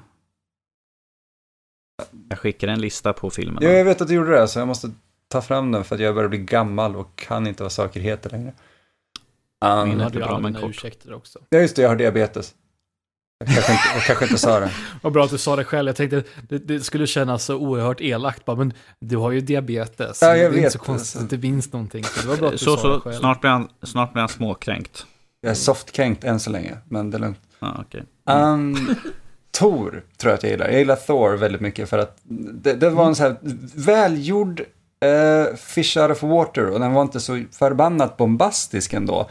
Vilket är väldigt roligt med en film som handlar om en gud. Mycket humor i den. Exakt. Och jag tyckte de hade fångat det väldigt bra. Det, jag, jag tänker exempelvis på den här scenen inne i, i det här lilla dinern när han drar glas och, och grejer i, i marken för att det är så de gör i Valhall. Eh, jag vet inte, den, den gjorde mig bara väldigt varm på insidan. Eh, och jag tror både det som Iron Man och Thor har gemensamt är just att det för det första jävligt bra skådespelare i, i rollerna och sen karaktärerna är extremt lovable. Eh, man vill se dem göra mer, man vill se dem göra sin grej. Man vill se eh, Tony Stark vara dryg, man vill se Thor vara inkompetent. Eh, Blond och dum. ja, men så förbannat charmig. Eh, Vänta. Och så är det Loki också. Emil. Mm. Dum. Mm. Danny, jag har nästan inget hår kvar. Jag räknas inte som blond då. Väl. Är det inte första gången som, eh, om jag minns rätt, Hawkeye är med också? Jag tror det, men det... det... Yes, han är uppe i, han är uppe i tornet då. Han Mm. säger bara stand down. Ja, just det. Ja, det var jag väl lite. Jag är ju verkligen, jag känner mig så som, nej jag kan inte göra den jämförelsen för att jag är inte Brian Posehn. Men eh, det, det, när jag sitter och ser den här filmen och Hawkeye dyker upp så sitter jag nästan där, vem är han? Vad gör han där? Vad är det som sker egentligen? Eh, för att jag hänger inte med i de här, ja, men du behöver bara se de här fem andra filmerna innan du ser den här nästa. Och bara, ja, okej. Men annars så tycker jag väl att eh, Captain America The Winter Soldier var Mm. fruktansvärt bra med sin story och jag tyckte om, jag tyckte om allt med den. Alltså storyn i den är just det särskilda, det som sticker ut och gör den speciell för mig. Eh, lite det övervakningssamhället-tänket och jag, jag vet inte, jag tyckte det var en förvånansvärt mogen film för att vara en Marvel-film jämfört med alla de här andra som har kommit. En bra thriller. Ja, men faktiskt. Faktiskt. Jag hade kunnat se den vara en, en thriller utanför Marvel lika mycket som jag ser den som en Marvel-film. Så, eh, ja. Det är väl mina topp tre i alla fall. Mm. Louise? Ja. Ehm, jag har fyra stycken och jag är lite osäker på vilken ordning jag har. Från Jag kan ta dem utan inbördes ordning så. Ja, precis. Så jag tar dem i eh, kronologisk ordning istället. Okej. Den första som jag tyckte var riktigt bra, det var Avengers. Jag tyckte det var coolt att se de här tillsammans första gången. Eh, jag vet att jag efteråt så liksom eh, ibland återvände till vissa scener som att jag, jag blev lite sugen på att se om vissa scener för det var många bra scener i den. Den var... Mm. Jag gillade hur de liksom började isär och sen så blir de mer och mer ett team på slutet där och Ja. Och sen nästa, det är den som eh, du pratade om precis Emil. Det är Captain America, The Winter Soldier. Riktigt bra. Sen så samma år så kom Guardians, of the Galaxy. Och den Just tyckte jag var lite... Den var lite fräsch i eh, Marvel-universumet kände jag. Ja, det var väl de lite som började den här lilla, inte trenden, jag vet inte vad man kan kalla det, men man tar det hela den här grejen på lite mindre allvar kanske. Mm. Precis. Alltså att lä- lätta upp stämningen lite grann. Sådär. Och Det var det- lite det- over the, det over the funkade. top. Ja, Jag tror den hade det varit... fortsatte de ju lite med i Tor Ragnarök där. Ja, exakt. Jag tror faktiskt att Guardians definitivt hade varit på min lista också om jag hade haft fyra filmer. Ja, just för att den var så charmig, den var fräsch, den var kul. Och Då säger vi att du, du lägger den till din lista där. Nej, men Danny, det där det är generöst. Varsågod. Och jag hade ju, in, innan hade jag ju, som kanske många andra, inte någon vidare koll heller på de här karaktärerna i Guardians of the Galaxy. Så det var ju helt nytt det också liksom. Mm, De jag hade koll på var inte de karaktärerna som var. Så. just Det är inte Eh. lätt att vara du alltid. mm. Nej, det, det är inte det. Ibland så. Och det var ju mycket humor också förstås i Guardians of the Galaxy. Och, och soundtracken också. Den är ju väl Ja, legendarisk på något sätt. Jag vet Och inte. Lloyd Kaufman. Och för oss som är uppvuxna på 80-talet kanske den var liksom extra kul just därför soundtracket och sånt där. Mm. Jag vet inte.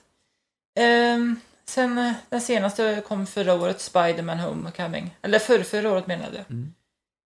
Jag tycker ju om Spindelmannen. De senaste som gjordes, de är Amazing Spider-Man, de tyckte jag inte var något vidare. Så att jag blev väldigt glad att det blev en bra Spider-Man-film igen. Mm. Och jag tyckte att den gjorde väldigt mycket nytt också, för det var Spider-Man-film. Den liksom tog bort väldigt mycket av de här klassiska sakerna, till exempel att det inte bara är att han svingar sig runt i en storstad, det var mycket småstad. Ehm, De, de kom ifrån de här sakerna som kanske ha- har varit så mycket återanvänt i de andra Spider-Man-filmerna. Det var ju lite skönt också att det var en etablerad Spiderman också. Så det var ju inte, någon, Precis. det var inte nödvändigt att köra någon eh, origin story som vi har sett eh, ett antal gånger redan. Nej, tack för det. Vi behöver inte det igen. Mm. Och skurken, det var, utan att spoila, det, det var lite, det var en oväntad twist som i Mm. alla fall inte jag såg komma. Nej, det har du faktiskt rätt i. Det såg inte jag komma heller förrän den eh, visades på riktigt i filmen. Och det är inte tillbaka. heller liksom någon som hotar att förstöra världen eller någonting, utan det är liksom mer, det är mer Spiderman-nivå. så Mm. Det här. var, den skurken är lite mer jordnära än något liksom. Precis. Mm. Så att, Utifall eh, att det är någon som inte har sett den här filmen och vill gå och se den nu efter vi har pratat om den så kan vi ju låta spoilerserna vara. Även om den är snart ett år gammal. Tack. Exakt. Så att det var mina fyra filmer. Yes. Ehm, jag kan ju ta mina filmer. eh, några har nämnts redan, eh, så att säga. Eh, jag har en, tre filmer som jag har tagit ut. Det är första Iron Man. Mm. Det är första Thor-filmen. Och det är första Captain America. För att de är uh, cinematiskt snyggt gjorda. Eh, de är en väldigt personlig resa för karaktärerna. Då alla har en, en ganska tydlig ark eh, i sitt Iron Man. Han går från vara den här liksom, titta på mig, jag är vapen, jag styr världen här till Shit, jag ligger i en grotta, jag har massa splitter inne, jag har en grej inopererad. Till liksom det här att jag måste göra någonting för att stoppa allt det här stor ark där och han går liksom från att vara den här bortskämda playboyen till liksom eh, en räddare av världen helt enkelt. Eh, och så kan man inte klaga på casten heller direkt sådär ju. Jag menar, hallå. Mm. Mr. Smirky Face number ett, liksom sådär, Robert Downey Jr. Så perfekt för den rollen, liksom. Det är liksom, Mm. man bara... Han är som, det är som de har plockat ut honom i serietidningarna sådär. Uh, Tor, samma sak där. Eh, han är liksom guldgossen eh, i Asgård. Ska bli den nästa härskaren helt enkelt. Han är lite stroppig, tror att han är stor, stark, kan allt.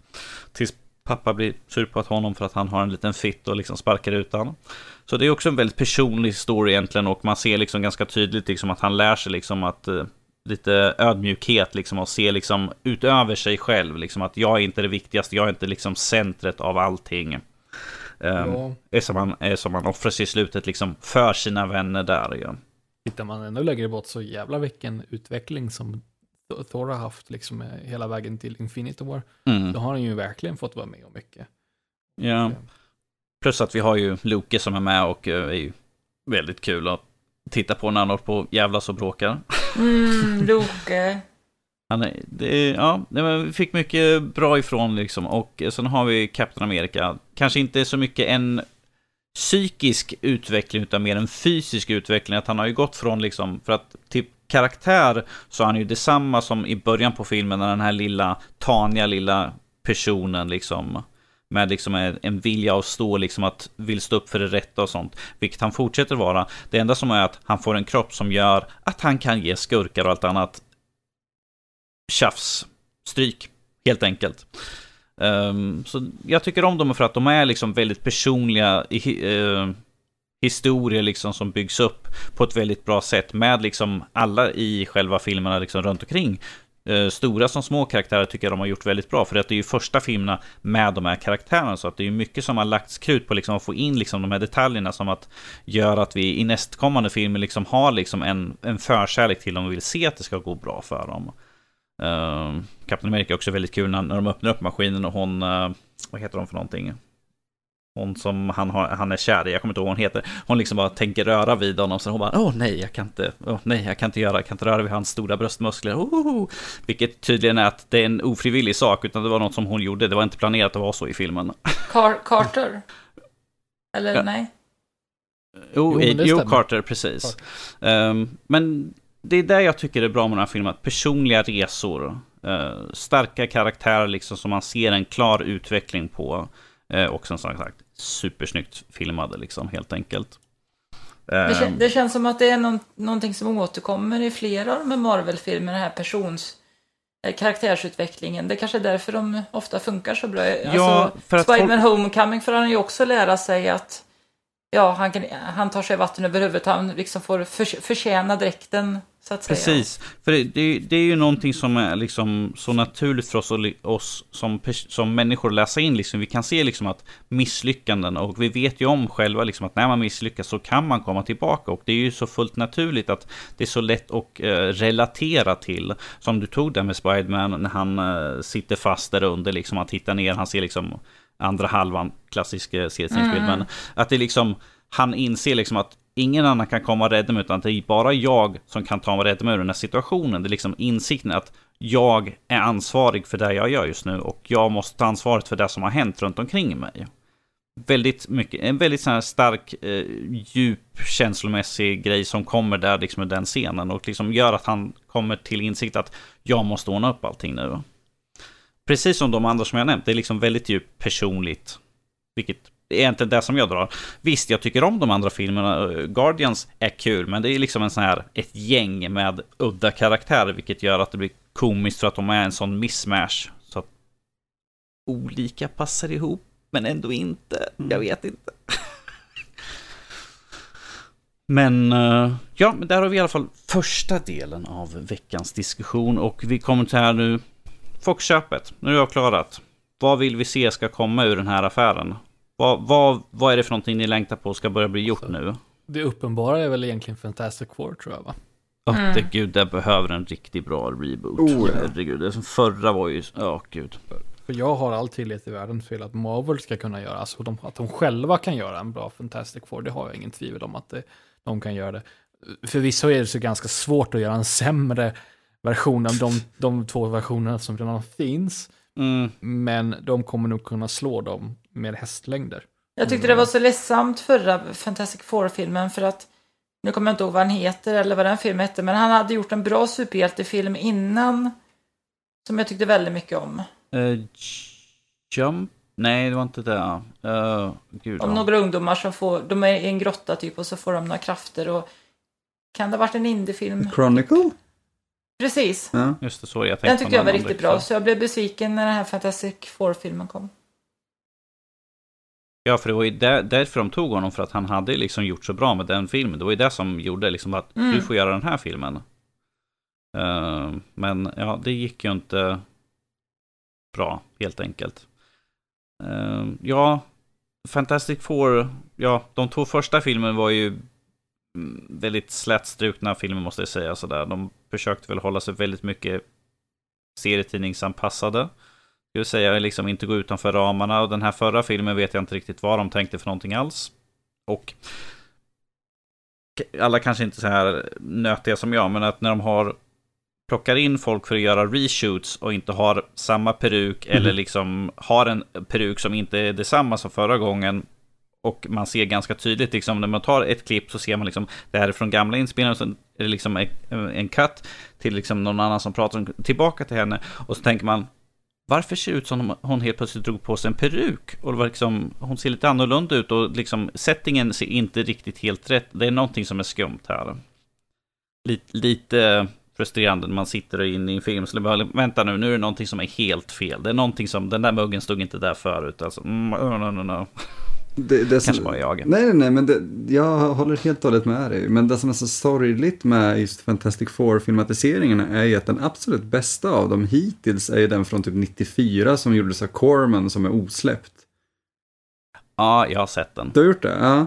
Jag har sett den. Den är så cheesy, det är så kul. Det- Den Jag gillar The, så Fi- The hysterisk. Thing. Jag tycker att han har en snygg dräkt där. Han ser ut som The Thing. Ja, exakt. Det känns faktiskt, så det är cheesy men det är genuint. Jag tycker då, Ja. den är fan charmigare och mer underhållande än någon av de andra filmatiseringarna som kommit hittills.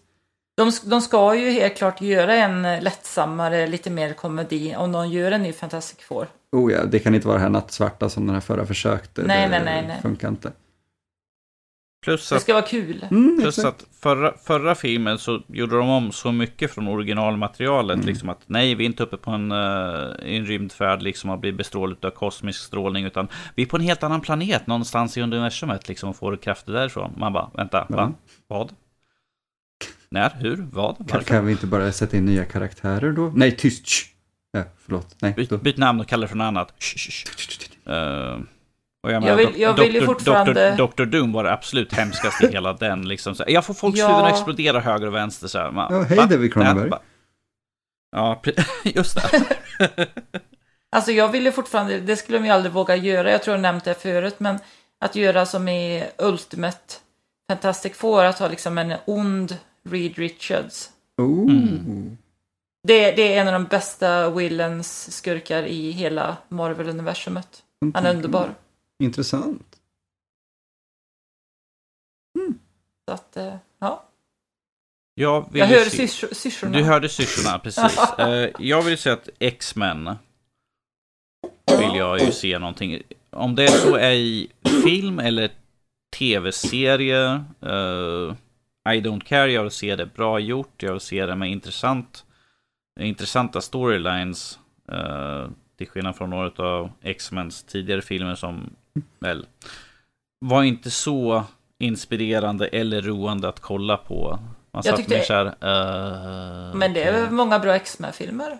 Days of Future Past var ju rätt jävla... Jag tyckte Alltså, jag, jag, jag, X2 tänk, jag, tänker var på, jag tänker på de första filmerna. Ja, att vi vill inte ha någonting i den. De senare, mm, de var ju bättre än de första filmerna i alla fall. Men att... Mm, Jag älskade. X-Men 2. Okej. Ja, det är du ensam Det om. också sådana där filmer som jag tyckte var asballa när jag var liten, men de har Från- fan inte åldrats bra. Ja, vad kan det vara ifrån? 2000... Nej, är den ännu äldre? 2002? Något kanske? sånt. Ja. Ja, något sånt. Jag menar... Det vore ju så coolt liksom. Wolverine och sådana där springa omkring och leka lite grann i verkliga världen. Mm. Nu hör jag någon som knappar på där och kollar upp vad hette de för någonting. Nej, X-Men ja, men- ja, 2 men- kom ut 2003 gjorde den. Ja, men vi säger så här, det finns så många karaktärer, så mycket storylines som de kan bygga på, så mycket serietidningar, så mycket serier som redan har funnits. Så jag menar, det finns ju... De kan ju liksom skippa ha med det i resten av Marvel och bara bygga en egen värld egentligen och ha det så för att det, skulle, det är så mycket så att de skulle kunna leka runt med där egentligen. Mm, jag tänkte säga det att jag tror att det kanske är en bra idé att hålla dem separata från resten av Marvel-universumet. Att mutanterna får en egen värld. Men annars måste vi börja fråga så här, vänta, vänta, vänta nu. Vad var de här under resten av tiden allt det här hände? Ja. Och det, Men- kan bli, det kan bli för mycket också. Ja, jag, jag tror att det är ju bättre som sagt att göra en separat bit istället. Där de, där de är i en värld där mutanter existerar. Där, där superhjältar, vanliga superhjältar inte finns. Mm. Det är kanske är lite enklare och så kan de ju liksom leka bäst de vill utan att tänka så här, vänta nu, vi kan inte göra det här för där borta är de och där händer det där eventet, då kan vi inte göra det. Åh gud, nej vänta, hur blir det? Ah. Så jävla bloated. Men det kanske Fantastic Four skulle passa in också. De har ju haft berättelser ihop, X-Men och Mm. Fantastic Four. Jo, Och deras eh, son eh, är ju mutant också. Fantastic Mm. Four. he's, dan- he's dangerous. Mm. Mm. Powerful. The almighty. Yes. Mm. Men är det något mer ni skulle vilja ha sett eller gjort där? Eller? Alltså, jag hade ju önskat Mm. att eh, den här New... The New Mutants, Mm. att den inte hade blivit av. Eh, den som är på gång. För Ja. att jag är rädd att den kommer bli jättedålig. För att eh, jag tyckte väldigt mycket om den lite yngre gruppen mutanter när jag läste den. Eh, när jag var yngre. Så jag tycker det är synd att de kastar bort bra karaktärer på en dålig film. Att de kunde vänta till ett par år och kanske gjort en riktigt bra film. Av Marvel Studios istället. Ja, jag, Mm. jag, jag satt och pr- pratade med Fredrik, vi satt och diskuterade lite grann här. Vi satt och kollade på diskussionsämnen och sånt där som vi brukar göra sent om nätterna. Uh, kom vi upp till liksom för att vi bara, har inte, de har datum på de här, den här och eh, Dark Phoenix. Jag bara, de har datum på den. Jag bara, Fredrik bara, oh, jag tror att de kommer ut nu, ska väl komma ut någon gång i år. Jag bara, blir inte de uppskjutna? Jo, de blir väl uppskjutna. Så jag, är, jag är liksom så här, det kan komma ut, jag känner mig väldigt skeptisk att de kan komma ut. Varför de skulle släppa dem är liksom att de kan tjäna några miljoner på det. De har ju redan slösat pengar på dem, så varför inte slänga ut dem och kanske få några pengar tillbaka? Men samtidigt så är det ju liksom att ifall de släpper de här och ändå ska liksom reboota allting, så kommer det bli liksom att ja, men vi släppte precis en ny film och sen kommer nästa film därefter och de bara, men det här har ingenting med dem att göra. Liksom den här confusion, liksom att hur hör allt det här ihop? Så att jag, jag, min personliga, jag tror att de bara kommer skjuta, skjuta, skjuta och sen helt plötsligt så har folk glömt att de existerar. Mm. Kan jag hoppas att vi har fel för jag är nyfiken att se liksom vad de har gjort. Jag menar, kan ju inte vara så illa som den jävla, vad för, heter den för senaste X-Men-filmen här, Apocalypse? Ja, precis. Ja, jag, jag ser, jag har redan glömt den för den var så jävla dålig. Usch. Men eh, en som eh, jag skulle vilja se, dock är, jag tror inte att Fox, vi pratar ju om Fox nu, Mm. jag tror inte Fox ägde rättigheterna till den här överhuvudtaget, men eh, Powerpack. Är det, inte barn, är det barnen? Det är eller? barngruppen, ja precis. Det är det, med hon som eh, har som en regnbåge efter sig. Jag, jag kan säga att när jag, när jag var liten och började läsa de här äh, Marvel-tidningarna så var det var nästan den första jag köpte. Det var Marvels universum och så var det med Powerpack. Jag tyckte det var en jättecool grupp. De hade så här fyra olika krafter. Det var liksom en utomjording de träffade på som de fick krafterna ifrån och jag tror det skulle funka riktigt bra. Det skulle vara kul om de hade någon med de här Ah, ja, just det. Ja, jag, Kanske läste, riktade mer, mer mot yngre, jag vet inte. Men... jag läste också om den här när jag var liten. Mm. Känner igen, eh, alltså det här, är- jag ser att det har kommit ut nya versioner på det, men jag läste den jättegamla från 80 Och det är- Ja. Tror du det här skulle funkat mer som, bättre som en animerad film eller vill du se en live action på? Nej, jag vill se live action. Du vill göra det? Mm. Jag tror att det fanns ett pilotavsnitt eh, jag såg någon gång av en tv-serie. Den var kass, men, men jag tror det skulle kunna göras bra.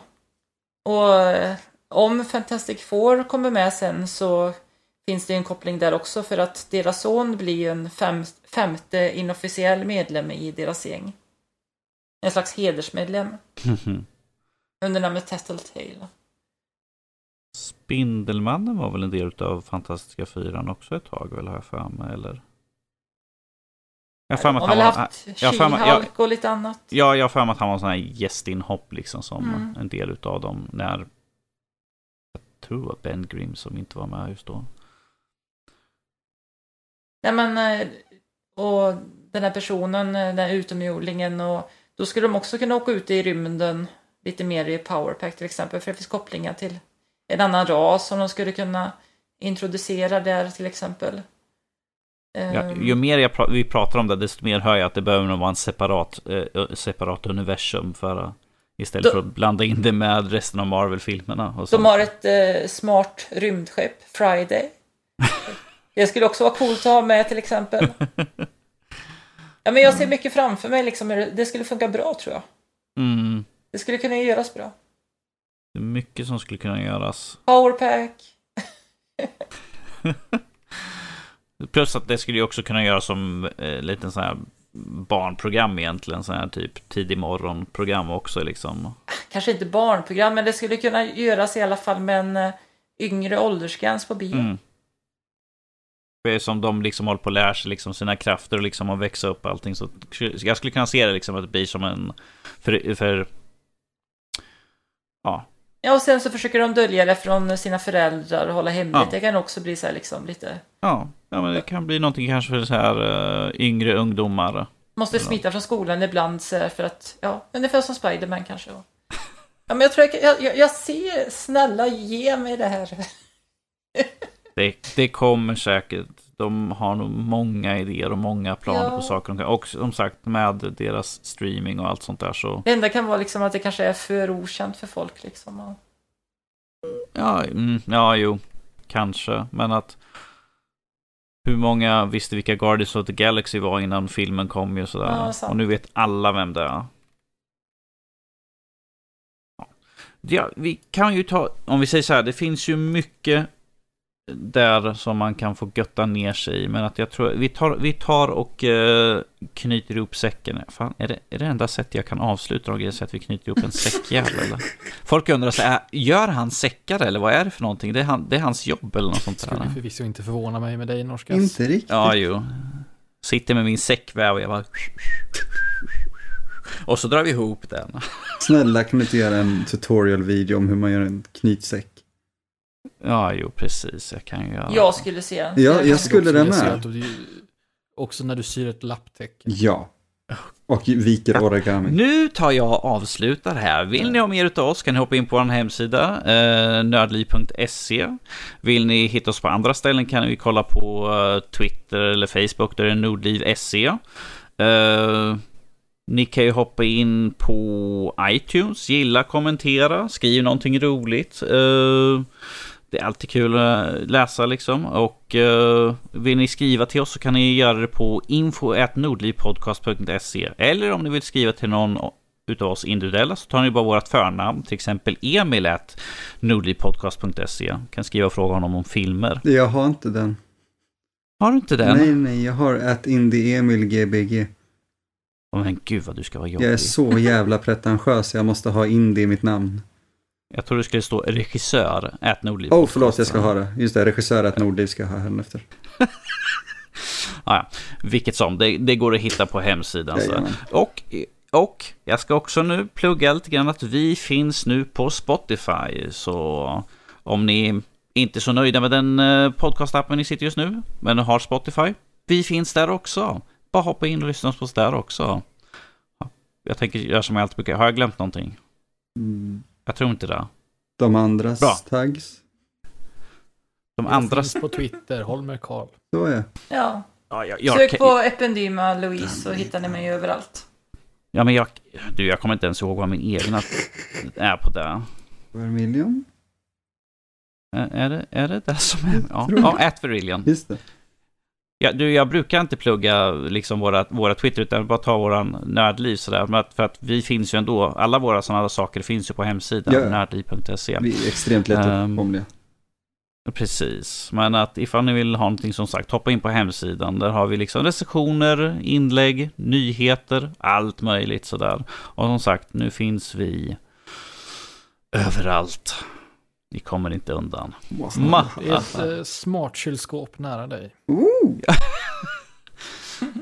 Jag det är vill, ha, alltså när jag vill ha en podd när jag öppnar mitt kylskåp, det är allt jag vill ha nu. Det går Oh. säkert att lösa med ett smart, nytt smart kylskåp, typ någon Samsung eller något, har säkert något sånt där. Android-baserat som man kan, ja, inga problem. Med det här kylskåpet så får vi tacka för oss den här veckan. Så hörs vi nästa vecka. Säg då allihopa. Hej då allihopa. Hej då allihopa! Toodaloo.